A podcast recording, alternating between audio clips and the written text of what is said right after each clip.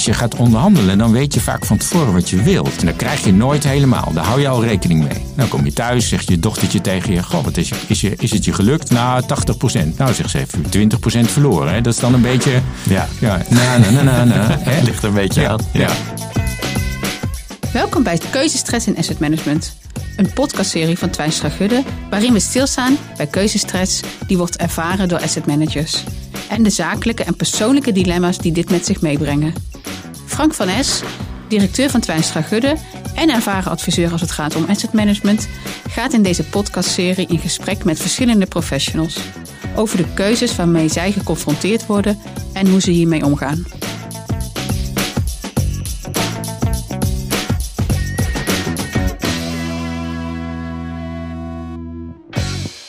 Yes, hallo allemaal. Welkom bij weer een podcast over keuzestress in asset management.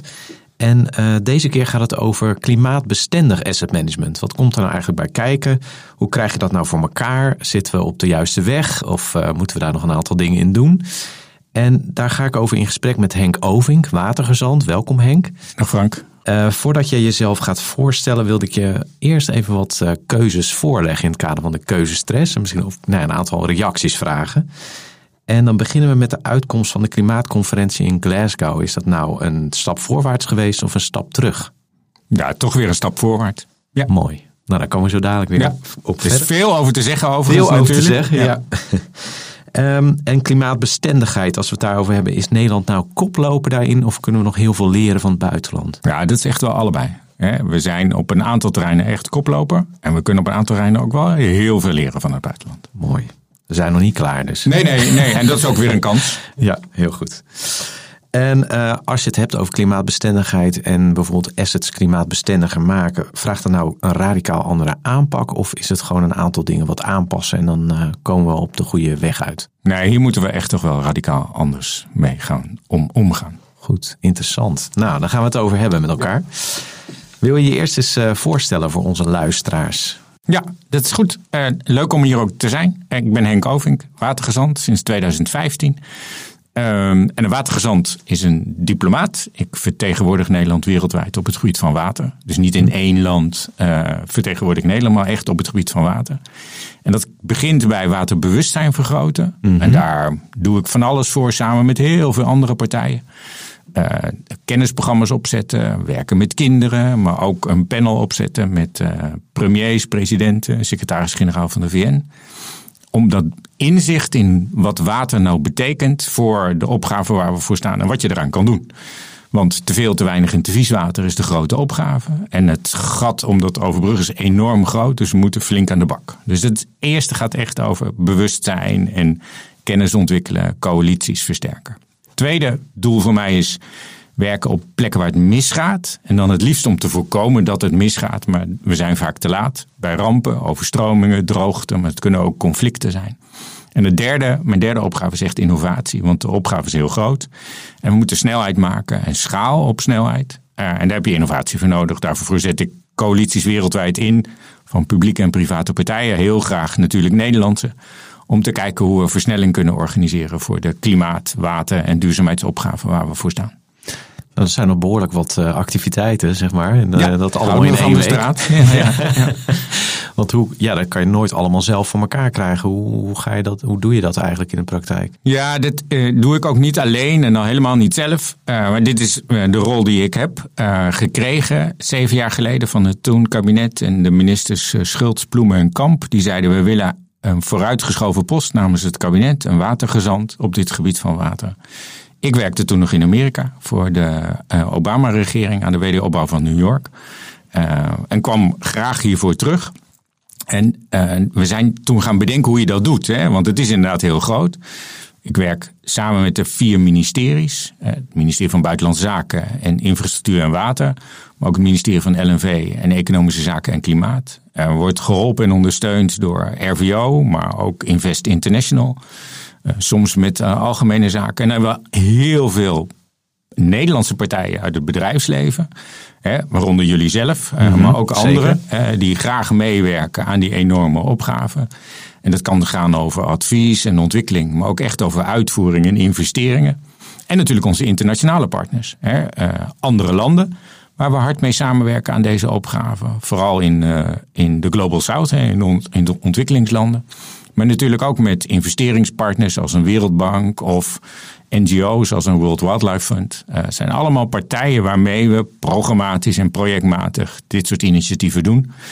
Uh, in Nederland niet vergeten het Planbureau voor de Leefomgeving. Die heel erg werkt aan die kennis. Of een instituut als Deltaris. Wat natuurlijk uh, de specialist is op uh, water- en grondmanagement. kortom, we hebben echt heel veel in huis. En jouw vraag, lopen we voorop of lopen we achteraan?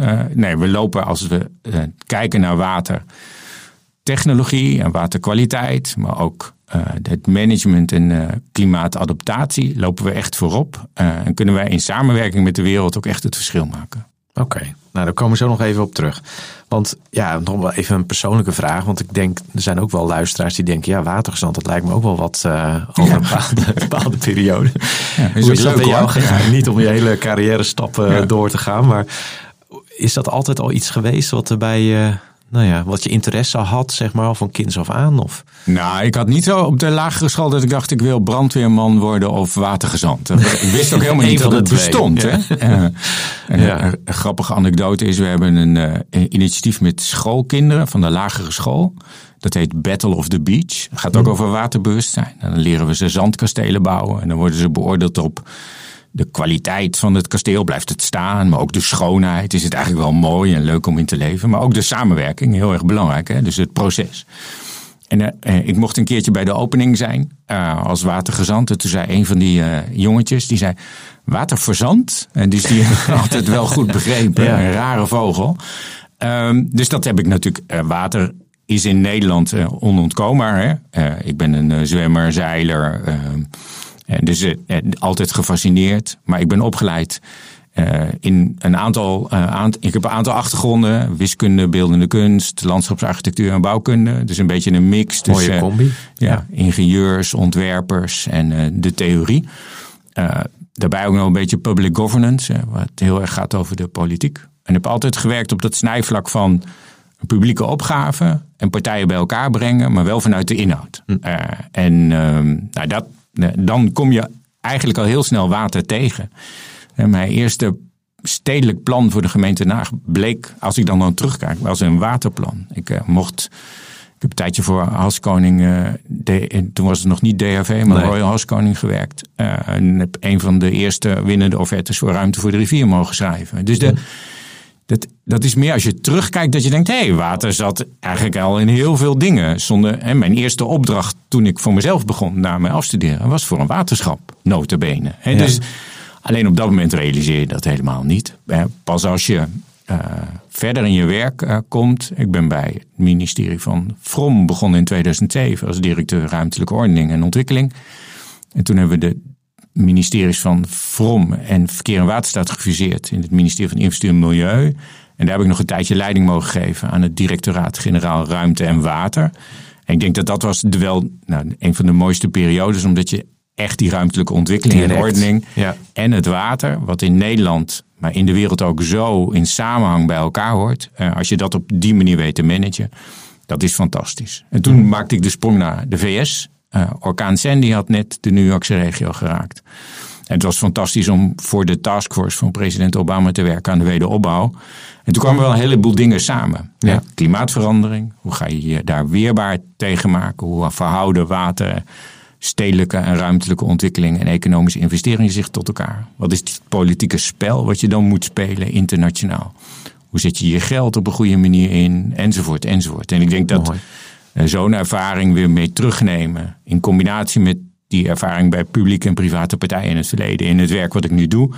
Is gewoon heel krachtig. En ja. ik ben iemand die altijd coalities helpt opzetten. Want je kunt het niet alleen. Mm -hmm. En je kunt het heel vaak ook niet op de gebaande paden. Dus je moet ook met elkaar bedenken hoe je ruimte maakt voor die vernieuwing. Uh, en ik denk dat dat nou, dat is een beetje de kern van het werk. Wat Mooi. Ja, en ik hoor dus eigenlijk dat er ook heel veel, je kan er ook heel veel dingen in kwijt. Die, ja. hey, je hebt een verschillende achtergrond, verschillende ja. studies gedaan. Ja. Komt allemaal samen in, de, in water, zeg maar.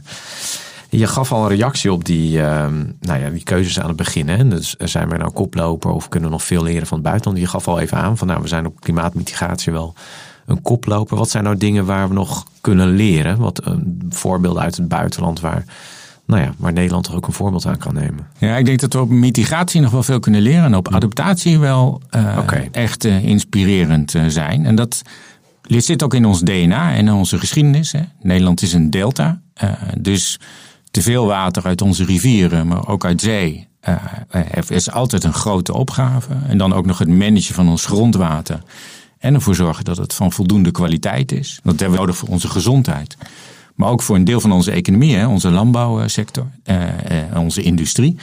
Dus we hadden al heel snel door dat het managen van water in al die facetten cruciaal is voor de groei en bloei van onze samenleving. Niet te vergeten natuurlijk transport. Rotterdam is niet alleen een grote haven, maar uh, Nederland heeft ongeveer twee derde van de binnenvaart in Europa in handen. Hè. Dus uh, die, je ziet, er zit een economisch, een cultureel, een sociaal en een ecologisch belang in hoe je met water omgaat. En dat hebben we ook nog eens een keertje goed georganiseerd. Hè? Met mhm. water governance. Uh, al meer dan 900 jaar hebben we waterschappen. En die zijn, zitten in de kern van hoe we het goed doen met water. En dat begint ook weer met samenwerken. Een Delta-programma staat daar ook model voor. Het is ook niet een top-down programma, maar echt een programma waarin je partijen bij elkaar brengt om wel de goede kant op te gaan. Dus ik denk dat zit in ons DNA. Ja. Uh, en daarin hoort dat je je voorbereidt op die toekomst. Dus, eh, en daar maakt het, ik denk dat dat is het verschil. Wat gebeurt er in de wereld? Eigenlijk nog eh, in de hoofdzaak. Er gaat iets mis. Een ramp, een overstroming, droogte, een conflict. En we kijken naar dat, die ramp, naar die ellende, dus eigenlijk met de rug naar de toekomst. En denken, ach help, dat moeten we oplossen. En heel vaak komen daar in eerste instantie natuurlijk een beetje pleisters plakken. Want het, is, het is helemaal uit elkaar. En dan bovenop die pleisters een eerste laagje. Eh, en dan komen we de volgende dag wel door. En Nederland heeft geleerd dat dat niet werkt. Hè, want dan laten die pleisters los om het in die metafoor te blijven. En dan heb je nog steeds diezelfde stinkende wond. Dus je moet naar de toekomst kijken. Je moet kijken wat is er eigenlijk nodig om weer bij die toekomst uh, in te gaan. Nou, dat deden wij al en dat doen we nog steeds. En dat hebben we geïnstitutionaliseerd en dat doen we ook in proces. En dat betekent dat klimaatadaptatie, ons weerbaar maken voor die toekomst, dat zit echt heel goed verankerd. En ja. daar werken we wereldwijd ook op samen om het goede voorbeeld te blijven geven. En eigenlijk mitigatie kunnen we dus nog wat meer leren. Ja, we, we zijn natuurlijk nu hard bezig. Hè. We hebben een klimaatakkoord. Uh, en we hebben gezegd dat we gaan die doelstellingen halen. En het nieuwe coalitieakkoord, wat in december is gepresenteerd, geeft daar ook gewoon een heldere uh, invulling aan. Het zegt zelfs, we willen sneller dan Europa. Dus de, de trekken dat been bij, want en dat heb ik ook, net, ook in Amerika geleerd. Het is ook een kans. Mm Dit is de nieuwe economie. Dan kun je er maar beter mee beginnen. In plaats van dat je achter de rest van de wereld aan moet lopen. Want daar haal je uh, ook je verdienvermogen vandaan. Daar uh, biedt het kansen voor je industrie, voor je, je kennisnetwerken, uh, voor je arbeidspotentieel. En daarmee ben je niet alleen concurrerend, maar ook een waanzinnige partner. Als het gaat over het opschalen van techniek, innovatie en diensten. Kortom, op mitigatie kunnen we echt hard uh, een been bijtrekken. Maar die kansen zijn er zat. Hè. Hm. Het is niet dat Nederland dat niet zou kunnen. Maar ja, je moet even die mindset uh, uh, omzetten. Even die mindset omzetten. Ja. Dat is even... ja, in wezen is het toch simpel. Hè? anderhalf graden zegt het Parijsakkoord ja. als ambitie. Ja. En voor heel veel landen in de wereld is dat misschien niet zo cruciaal. Maar als de wereld zich niet aan anderhalve graden houdt, verzuipen wij. Ja. Dus eh, voor ons is het ook nog eens een keertje existentieel. Dus het is een mhm. kans, maar het is ook echt wel noodzaak. Ja. En nou keken ook heel veel mensen natuurlijk naar Glasgow in de zin van, nou, daar, hè, dat wordt dan uh, de, de weg voorwaarts. Nou, ja. er zijn heel veel reacties op gekomen dat het toch wel teleurstellend was. Ja. En nu zeg je eigenlijk, nee, het is wel een stap voorwaarts. Waar zit, het, waar zit dat in? Ja, dat heeft er ook mee te maken hoe je naar zo'n conferentie kijkt. In 2015 hebben we in Parijs een afspraak gemaakt als wereld. De wereld mag niet warmer worden dan uh, twee, uh, liever anderhalve graden post-industrial levels. En want daarmee houden we het nog in toom. Dat neemt niet weg dat met die anderhalve graden ook een boel uh, klimaatellende over ons heen komt. Maar die kunnen we managen, die kunnen we aan. Maar verder dan anderhalve graden, dan wordt het wel echt nou, dan wordt het echt wel veel slechter voor mensen, voor onze leefomgeving, biodiversiteit enzovoort. De stap daar naartoe is georganiseerd in, uh, of de weg daar naartoe is georganiseerd in stappen. Dus dat is niet in revoluties, maar dat is in stappen. Dus Parijs was misschien wel een revolutie, een akkoord waarin de wereld zei: ja, we gaan het nu toch wel echt anders doen.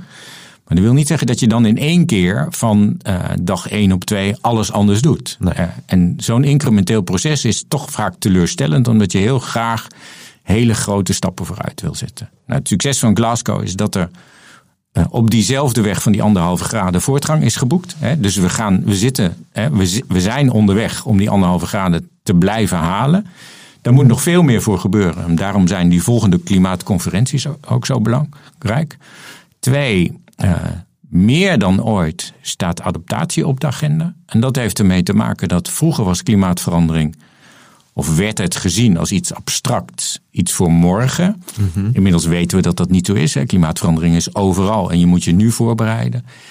Vooral de meest kwetsbaren in de wereld hebben daar het eerste last van. Of de meest kwetsbare plekken en de mensen die het meest kwetsbaar zijn. En dat betekent dat adaptatie is echt ook een manier om daar invulling aan te geven.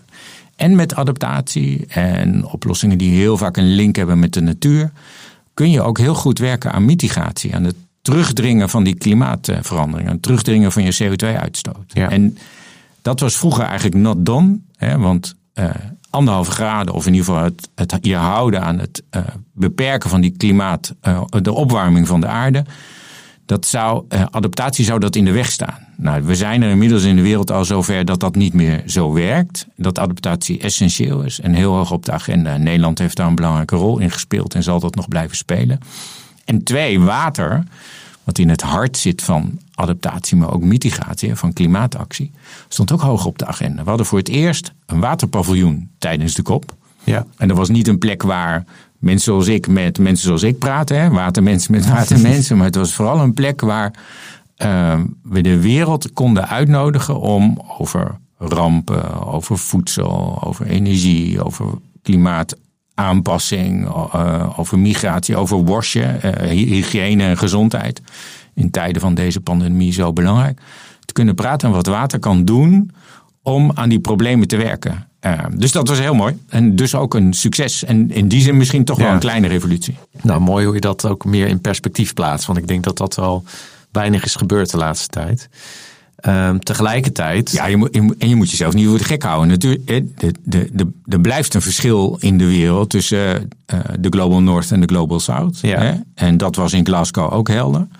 Ook dat was niet van tafel. Eh, de, hè, we hebben een afspraak gemaakt dat we als Global North 100 miljard eh, per jaar bijdragen aan het oplossen van de klimaatproblemen. Daar zijn we nog niet. Tegelijkertijd is daarvan ook gezegd dat gaan we doen. Dus er zijn een aantal grote opgaven die zijn niet getackeld. Dat hadden we natuurlijk heel graag gewild. Uh, maar ja, ik ben probeer in die zin toch echt te kijken wat er wel is gebeurd en hoe we aan die grote opgave in de toekomst kunnen werken. En dan denk ik dat we op koers zitten. Ja, mooi. Tegelijkertijd vraagt die koers wel, hè, waar we het over hadden, toch een radicaal andere invulling. Ja. En als we die stap of de link gaan maken naar asset management, daar zie je, we hebben het in een eerdere podcast ook over duurzaamheid en duurzaamheidsambities gehad, dat dat nogal een transitie vraagt. Hè. Je, je bouwt assets, nou ja, toch ook voor 100 jaar, zullen we zeggen. En klimaatverandering en klimaatbestendigheid, ja, waar, waar bereid je nou eigenlijk precies op voor? En is Ja. dat nou altijd zo nou ja, in te plannen of al mee te nemen in de bouw of in het onderhoud? Hoe kijk je daar naar, naar die, die stap naar assets, zeg maar, en het klimaatbestendiger maken daarvan? Nou, ik denk dat je het dus altijd mee moet gaan nemen, maar niet alleen naar het klimaat. Hè. Uh, uh, ik denk dat je naar de volle breedte van onze duurzaamheidsagenda moet gaan kijken op het moment dat je naar waardecreatie zoekt. Hè, uh, die winstmaximalisatie op de korte termijn levert je gewoon heel veel problemen op op de middellange en de langere termijn. Hè, dus je kunt morgen wel geld hebben verdiend, maar dat kun je overmorgen weer kwijtraken. En dat moet je in het zicht houden. Niet alleen in het licht van klimaatverandering, maar die hele duurzaamheidsagenda. Daar hebben we ook in 2015 afspraken over gemaakt. We hebben 17 duurzaamheidsdoelen.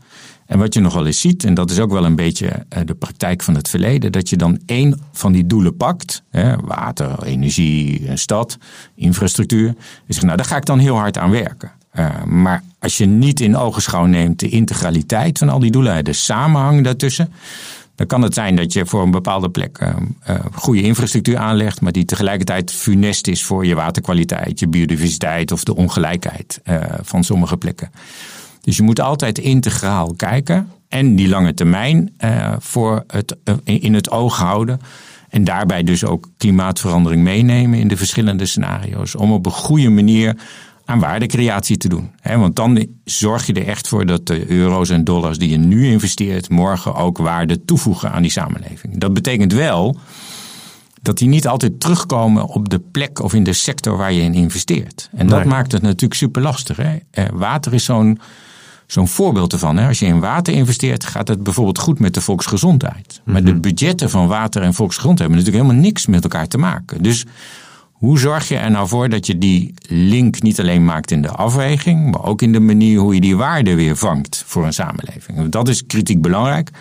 Want anders is niemand bereid om in uh, sector 1 te investeren als sector 2 de enige is die ervan uh, uh, van profiteert. Ja, dus zeg maar die manier van kijken en het meer integraal kijken en ook integraler naar waarde kijken, dat is een belangrijk aspect van die radicaal andere aanpak, zeg maar.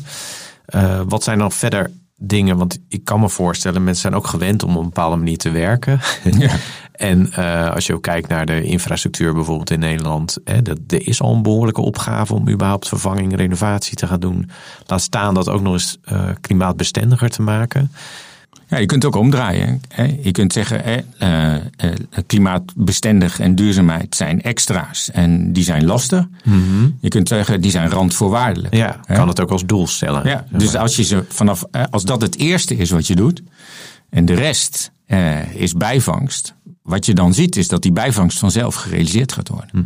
Mm. als je klimaatbestendig en duurzaam investeert, neem je meteen beheer en onderhoud en een circulair proces mee maar als je bij dat laatste begint, wil niet zeggen dat het klimaatbestendig en duurzaam is. Nee. Dus je kunt bij die uitgangspunten beginnen. Daarom hebben we ze ook zo met, integraal met elkaar afgesproken. Het zijn doelen, 17 en eh, zo'n klimaatakkoord, die een samenhang vertonen. En als je die in samenhang meeneemt vanaf het begin en het proces daar ook op inricht, dan lukt het je om die weer meerwaarde te houden en die transities mogelijk te maken. Maar je kunt niet zeggen van ik ga een paar dingen doen en dan kijk ik of ze ook een bijdrage leveren. Nee, dat is, dan werkt het niet. Want wat voor rol pak je daarin als watergezant? Want het, het vraagt niet alleen zeg maar, partijen bij elkaar brengen, maar ook wel. Ehm, nou, misschien ook andere soorten partijen natuurlijk sowieso. Maar ook zo'n verandering kan ook pijn doen. Ja, ja, en daar moet je heel open in zijn. Hè? Uh, en, en ik, uh, wat ik probeer te doen.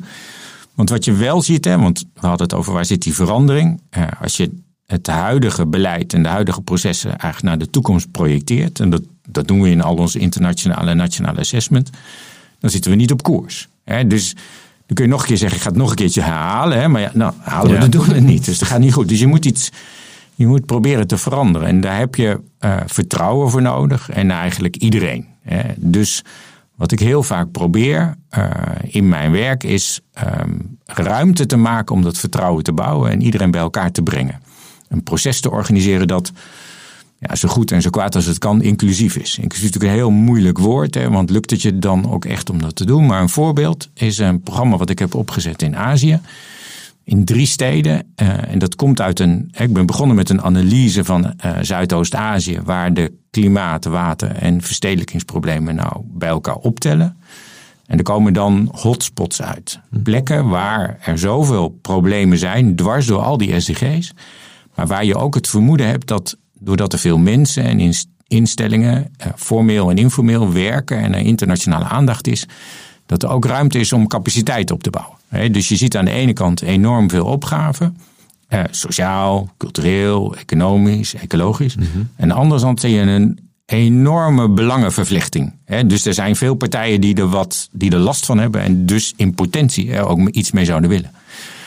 Toen hebben we met hulp van RVO en FMO en Buitenlandse Zaken uh, we de drie uitgekozen en onze ambassades. Uh, Chennai in India is de grootste stad van de drie. Uh, Semarang in Indonesië de middelste. En Kulna in Bangladesh de wat kleinere. Nou, ja. Nog steeds een half miljoen tot een miljoen inwoners. Maar mm -hmm. voor, voor Bangladesh en Azië zijn dat dan wat kleinere plekken. En daar hebben we een challenge op georganiseerd. Dus we hebben de markt gevraagd: doen jullie met ons mee? Uh, in een integraal, interdisciplinair team met hm. lokale en internationale en nationale partners. Om te gaan werken aan één, een coalitie bouwen. Met die coalitie begrip opbouwen voor wat die opgave op die plekken is. En dan innovaties ontwikkelen en ontwerpen die die transities mogelijk maken. Waardoor die steden en hun gemeenschappen duurzamer en klimaatbestendig zouden worden. Het programma heet Water als hefboom, Water as Leverage. En uh, dat ging dus, mijn rol daarbij is echt dat proces organiseren. Ja. En wat we deden is dus met lokale partijen, overheden en niet-overheden, communityorganisaties, NGO's, maar ook informele uh, partijen die dus niet zo institutioneel georganiseerd waren. Samen met die nationale overheden, we hebben het geld nodig, internationale financierders als een Wereldbank en een Asia Infrastructure Investment Bank en een Green Climate Fund en, enzovoort en uh, FMO toen nog. Um, uh, uh, en internationale partners als een Rode Kruis, een World Wildlife Fund, een UN Habitat. Kortom, een enorme coalitie ja. die nou, ruimte en druk op dat proces zet. Waarin die experts van Nederlandse en lokale partijen werken aan een coalitie en aan projecten. En heel Ja. mooi, hè? Vorige week schop in de grond. Uh, hè, we hadden twee jaar vertraging door corona, zou je kunnen zeggen. Uh, maar we zijn echt begonnen. En nou, daar kwamen 27 pilotprojecten uit. Uh, die gaan we uitvoeren. En inmiddels kijken we in India uh, samen met de Indiase overheid naar de ganges. Hebben we ook een eerste studie gedaan hoe we zo'n innovatieaanpak kunnen inzetten. We zijn met de Wereldbank en de Vietnamese overheid in Vietnam bezig. We zijn in Colombia aan de slag. En we zijn zelfs in ons eigen waddengebied samen met Nederland, Duitsland en Denemarken aan het kijken of zo'n innovatieaanpak, waarin je dus ruimte maakt uh, voor een proces van samenwerken, tegelijkertijd een challenge inzet uh, voor uh, een versnelling van die aanpak, een beetje pressure cooker. Dat zijn echt dingen die helpen. En, en de ja. combinatie tussen ideeën, plannen en geld. Hè? Ook de investeringscapaciteit stel dus je eigenlijk pak jij vanuit jouw rol ook, je signaleert ook dat soort hotspots ja. waar dus die belangen bij elkaar komen. Ja. En dat creëert de ideale voedingsbodem, ja. maar zeggen, om hier stappen in te maken. Ja, en die belangen bij elkaar houden, maar ook met elkaar confronteren. Hè? Dus die, die openheid is heel belangrijk. Hè? Want uh, niet iedereen is het met elkaar eens en dat hoeft ook niet. Hè? Nee. Dat kan, kan bijna niet. Hè? Iedereen heeft een belang. Uh, maar wat je kan laten zien is dat door die samenwerking er meerwaarde ontstaat waar iedereen wat aan heeft. En er ontstaat iets nieuws. Het is toch een beetje het verschil, heel plat hoor, tussen onderhandelen en samenwerken. Hm. Als je gaat onderhandelen, dan weet je vaak van tevoren wat je wilt. Mhm. En dat krijg je nooit helemaal. Daar hou je al rekening mee. Dan kom je thuis, zegt je dochtertje tegen je: Goh, wat is, je, is, je, is het je gelukt? Nou, 80%. Nou, zegt ze, heeft je 20% verloren. Hè? Dat is dan een beetje. Ja, ja na, na, na, na, na, hè? ligt er een beetje ja, aan. Ja. ja. Maar als je gaat samenwerken, uh, dan neem je iets mee naar zo'n tafel. In plaats van dat je zegt: Ik wil er iets uithalen. En dat doet iedereen. Maar ja, en je, je, weet misschien nog niet wat eruit komt. En je weet niet wat eruit komt. Dus je gaat meerwaarde creëren door die samenwerking. En dan kom je altijd met een verrassing terug. Hm. Uh, en die verrassing, als je die samenwerking voldoende integraal en inclusief organiseert en gericht op de lange termijn, die is nou juist gericht op die meerwaarde voor de toekomst. En zo'n coalitievorming, ik hoorde al een aantal partijen zeggen, volgens mij is dat hartstikke mooi, hoe je die ja. partijen bij elkaar brengt. Aan de andere kant is denk ik ook wel van belang dat het niet verlammend gaat werken. Je kan natuurlijk wel heel veel partijen uiteindelijk bij elkaar brengen. Wat zijn nou, ik hoorde jou iets meer zeggen over die challenge en die innovatieaanpak. Zijn dat dan manieren ook om wel ja, voorwaarts te gaan? Want anders... Ja. ja, maar je moet ook niet te bang zijn. He, we zeggen al snel Poolse landdag. Ja, ja echt Nederlands. Hè? Daar zijn we dan weer een beetje bang voor. Ja. Nou, ik heb in, uh, uh, toen ik in Amerika werkte voor de uh, Presidential Task Force for the Rebuilding of the New York Region naar Orkaan Sandy. Waar ook een challenge heb ik uh, ontwikkeld en georganiseerd en geleid. Rebuild by Design. En daar zaten uit mijn hoofd dikke 500 gemeenschappen. Een uh, paar honderd bedrijven, drie dozijn universiteiten enzovoort. Hè? overheidsorganisaties. je kon het zo gek niet verzinnen. Occupy Sandy. Dus aan die, aan die kant van de tafel tot en met de Governor Christie. en allemaal in diezelfde mix. Om projecten te bedenken die het uiteindelijk konden gaan halen. Je zult wel moeten met elkaar. Je kunt niet zeggen, nou, ik heb, weet je, ik wil jou liever niet. Want misschien heb ik wel last van je. Of je vertraagt het proces. Dan weet je zeker, even los van dat ik dat sowieso niet oké vind. Maar dat je ook last van elkaar gaat krijgen. Je moet ervoor zorgen dat die deur open kan staan. Dat mensen mee kunnen doen. Want als je ze achterlaat, dan gaat het uiteindelijk mis. En dan gaat het mis vaak nu in de wereld van ongelijkheid. Voor de mensen die het meest kwetsbaar zijn. Maar dan gaat het uiteindelijk mis voor ook in de tegenstelling van belangen die alleen maar scherper wordt. Maar de manier waarop jij dat nu zo vertelt, hè, dat is denk ik ook wel het gevoel en de urgentie ja. die daarin dan terugkomt. Ja, die moet je erin houden en brengen. Uh, en dat kan ook door de confrontatie van die belangen. En laten zien hoe uh, complex het is en hoe belangrijk het is dat je die samenwerking volhoudt. En het is ook een proces van vallen en opstaan. Wil niet, het is niet altijd feest. Hè? Dus uh, er lopen wel eens mensen weg en die haal je er later weer bij. En partijen die toch niet mee willen doen en dan duurt het weer wat langer. Maar je moet dat wel blijven volhouden. Er is volgens mij, ik ben ervan overtuigd, er is geen andere manier. Je kunt het niet alleen. Uh, en ondanks dat het soms zo lijkt als dat mensen of partijen zeggen, nou we doen het toch even alleen. Je krijgt ze uiteindelijk wel weer terug aan die tafel, omdat al die opgaven zitten aan elkaar vast. Er is niet één, uh, er is niet een silver bullet, zeggen we dan. Hè? Er is nee. niet één oplossing nee. voor dit complexe probleem. En elke keer als we dat wel doen, ja, krijgen we het weer keihard terug in ons gezicht. Dus er gaan ook dingen mis in zo'n proces. Maar dat het misgaat is eigenlijk meer een bewijs van hoe belangrijk het is dat je het samen goed doet. Ja. Uh, in plaats van dat het laat zien dat het alleen ook wel kan. Nee, en dat, volgens mij is dat ook het idee van meer experimenteren. Ja. Hè? En, en, en, nou ja, zeg maar daar open in staan dat je nog niet helemaal de oplossing weet. Ja. Want er nog twee elementen daarin. Hè? Dat is meer naar die aanpak kijken. De challenge sessie, dat vind ik wel interessant. Hoe, hoe organiseer je zoiets of hoe werkt dat? Kun je daar eens een voorbeeld van geven van zo'n challenge? Wat dan... Ja, dus in dit geval, wat we, uh, en we hebben het net laten evalueren. En de, uh, uh, ik heb ook met het Centraal Planbureau de afgelopen jaar gewerkt aan een aan advies over innovatie. Hè. Dus, en in Amerika hadden we daar zelfs een, een White House Office voor, de Office of Science and Technology Policy, met een wet.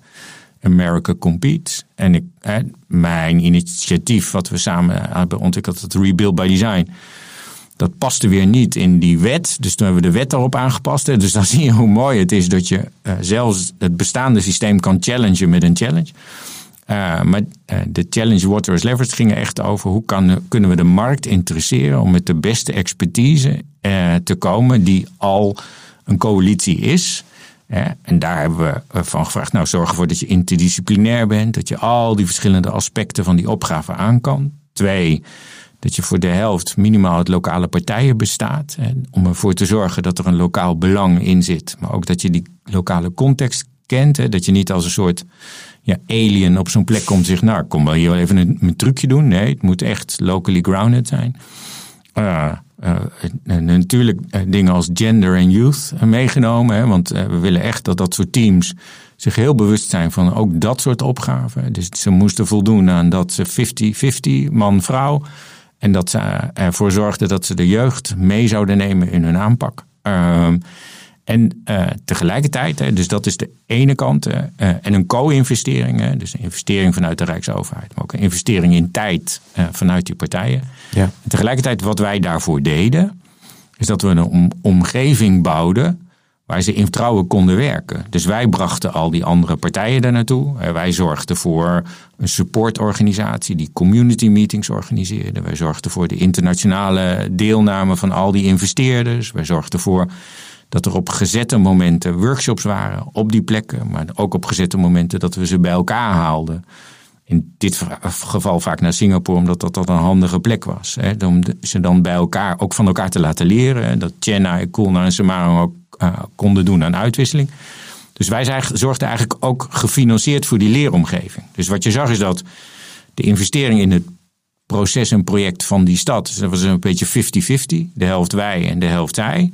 En tegelijkertijd daarbovenop zetten wij nog eens een keertje 50% van de totale investering om die omgeving veilig te houden, maar ook heel dynamisch. Hè. Dat, dat, en dat zorgde voor die pressure cooker, ja. hè, de druk van buiten, maar ook voor, ja, met deze partijen kan het. Uh, en uiteindelijk uh, uh, kost ook dit weer een, een, ja, een soort van tijd vooruit om te kijken wat je daar voor vangst uithaalt.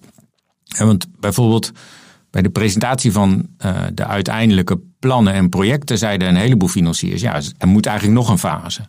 En nog een fase. En bijvoorbeeld een Wereldbank zei: ja, jeetje. Hartstikke gaaf wat jullie doen. We halen jullie naar Madrid, want er was een nieuwe er was een conferentie voor stedelijke klimaatproblematiek. Dus er gingen al die, uh, al die vertegenwoordigers van die steden weer naartoe. Dus er ontstond heel veel vervolg. Maar de Wereldbank zei ook: ja, het proces wat jullie hebben georganiseerd past eigenlijk niet binnen ons proces. Nou, dat was ook niet de bedoeling. Hè? Dat was de bedoeling omdat dat, hè, om ze juist eigenlijk te, ook ja, de instituties te, te ja. challengen. Ja. Dus in Vietnam hebben we het omgedraaid. En hebben we gezegd van nou, jullie ontwikkelproces van projecten loopt op een bepaalde manier. Daardoor missen jullie kansen. Maar missen jullie ook uh, waardecreatie in de context van klimaat, uh, aanpak en duurzame ontwikkeling? Wij zetten ons proces ernaast. Uh, en kijken of we op die manier een soort van sandwich kruisbestuiving kunnen creëren. Nou, corona heeft een beetje roet in het eten gegooid. Dus we gaan het volgend jaar of dit jaar echt mee aan de slag. Hè? Dus het heeft ja. wat vertraging. Maar die, dat commitment van dat soort partijen ook om het op te schalen en ergens anders in te gaan zetten. Daarvan, nou, dat geeft vertrouwen. En er is niet één manier vooruit. Uh, maar het is wel heel mooi om te zien dat iedereen daar nou, veel lessen uit leert en, en trekt en bedenkt van uh, dit is wel een manier om door te gaan. Dit is wel een manier om die hele ingewikkelde problemen aan te pakken. Ja. En als we die slag weer even maken naar nou ja, zeg maar asset-intensieve ja. organisaties, die daar ook wel onderdeel van vormen. Ik weet nog dat we in het voorgesprek hadden we het ook over elementen die daarin terugkomen. Bijvoorbeeld programmeren. Hè? Dat is ja. ook zo'n belangrijk proces binnen asset-organisaties. En asset managers zijn daar heel erg mee bezig. En in een van die projecten of omgevingen zoals Bangladesh, waar we elkaar ook van kennen ja. als bureau. Ja. Uh, daar weet ik nog dat, dat het heel erg ging over adaptief programmeren. Dus eigenlijk wat andere. Kun je daar iets over vertellen? Want het, uh, dat vergt volgens mij nog wel wat. Ja, um dat is waar. En tegelijkertijd is als je, uh, als je goed begint, uh, dan gaat dat niet vanzelf hoor, maar dan hoort dat er wel bij. Hè? Dus uh, hè, wat wij willen zijn pipelines en programma's die uiteindelijk een, een heel proces kunnen trekken. Ja. Hè? die het dus volhouden over de langere termijn. We hebben ons eigen Delta-programma. En, nou, we hebben in Bangladesh ook een Bangladesh Deltaplan 2100 helpen maken. Nou, hebben jullie een heel belangrijke rol. Uh, Jaap de Heer was uh, ja. een van de belangrijke mensen daarin.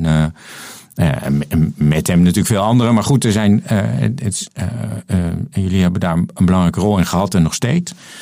Ehm, maar zo'n programma werkt alleen maar als het de tand destijds kan doorstaan. En dat gaat over die flexibiliteit en adaptiviteit. Want de veranderingen zijn er elke keer.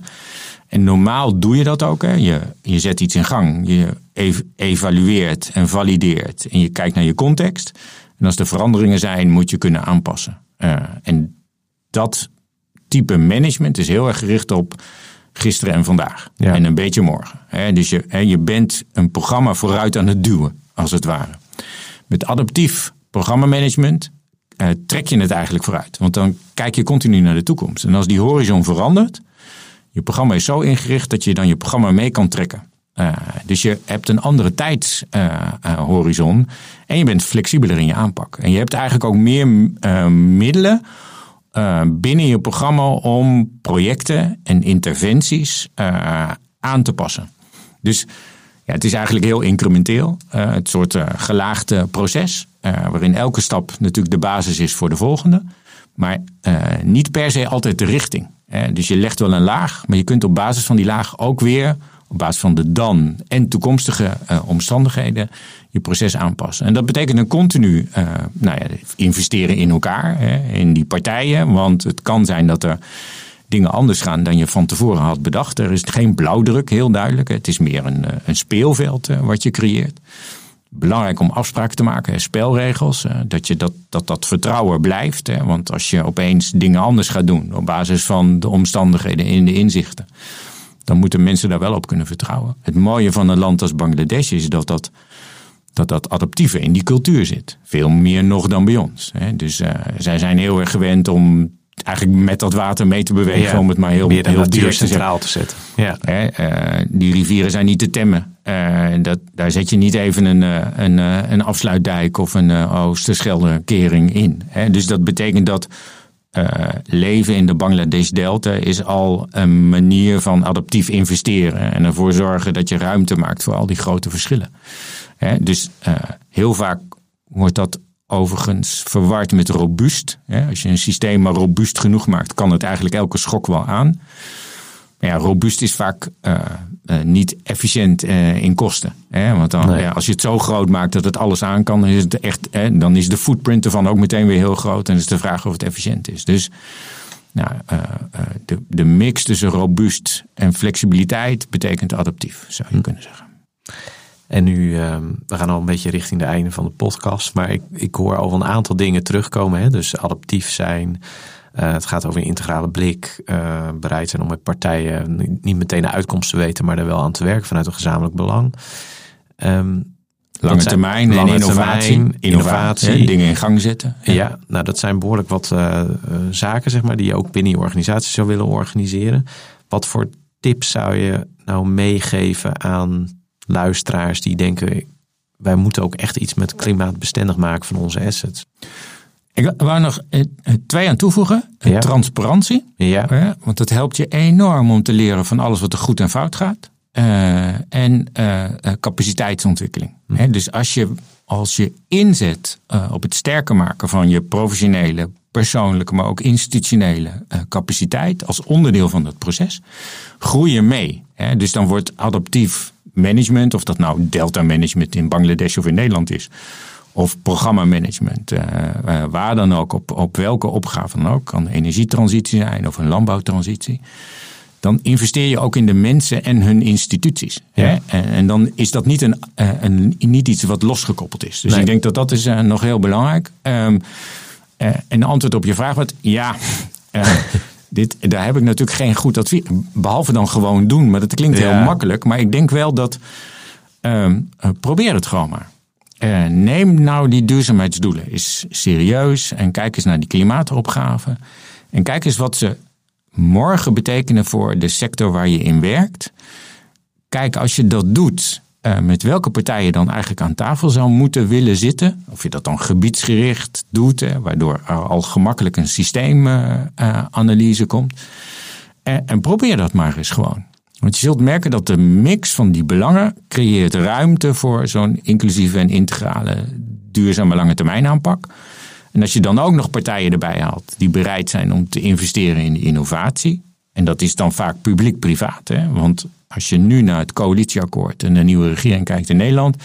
Dan staat er heel veel geld vrij. eh, eh, is er heel, staat er heel veel geld klaar juist om die beweging te organiseren. ja.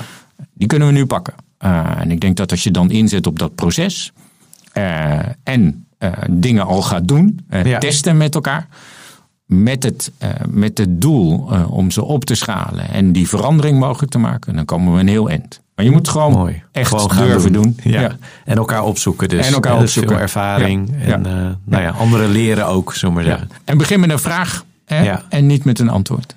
Ik denk, hè, er zijn heel veel partijen en mensen, professionals en niet-professionals, weten vaak net iets te goed wat de eerste stap zou moeten zijn. Maar bijt maar eens op je tong. eh, en probeer je met elkaar te bedenken wat die eerste stap zou kunnen zijn. En dan kom je zomaar voor verrassingen te staan die je echt kunnen helpen onderweg naar een duurzame toekomst. Mooi. Mooi eindpleidooi. Dankjewel uh, Henk. Graag gedaan, superleuk. En, uh, Veel succes. Ja, en jij ook. en dank aan onze luisteraars. Uh, dit is uh, de laatste podcast in Keuzestress in grensverleggend asset management. Ik hoop dat jullie alle podcasts uh, interessant hebben gevonden. Ik vond het in ieder geval heel leuk om te doen, ook zelf. Om de mensen hier aan tafel te hebben en over deze interessante onderwerpen in gesprek te gaan. Uh, mocht je die andere nou niet hebben geluisterd, dan uh, kun je die uiteraard ook vinden. En uh, sowieso op onze website op www.twijnstragudde.nl. En daar vind je ook meer informatie over asset management, of het nou klimaatbestendig, duurzaam asset management is, of keuzes in de politieke arena. Dus, uh, en hopelijk tot een volgende keer.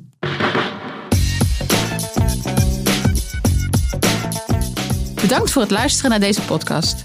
Wil je meer weten over keuzestress en asset management? Ga dan naar twijnstragudde.nl. Luister je deze podcast op Spotify? Vergeet hem dan niet te beoordelen.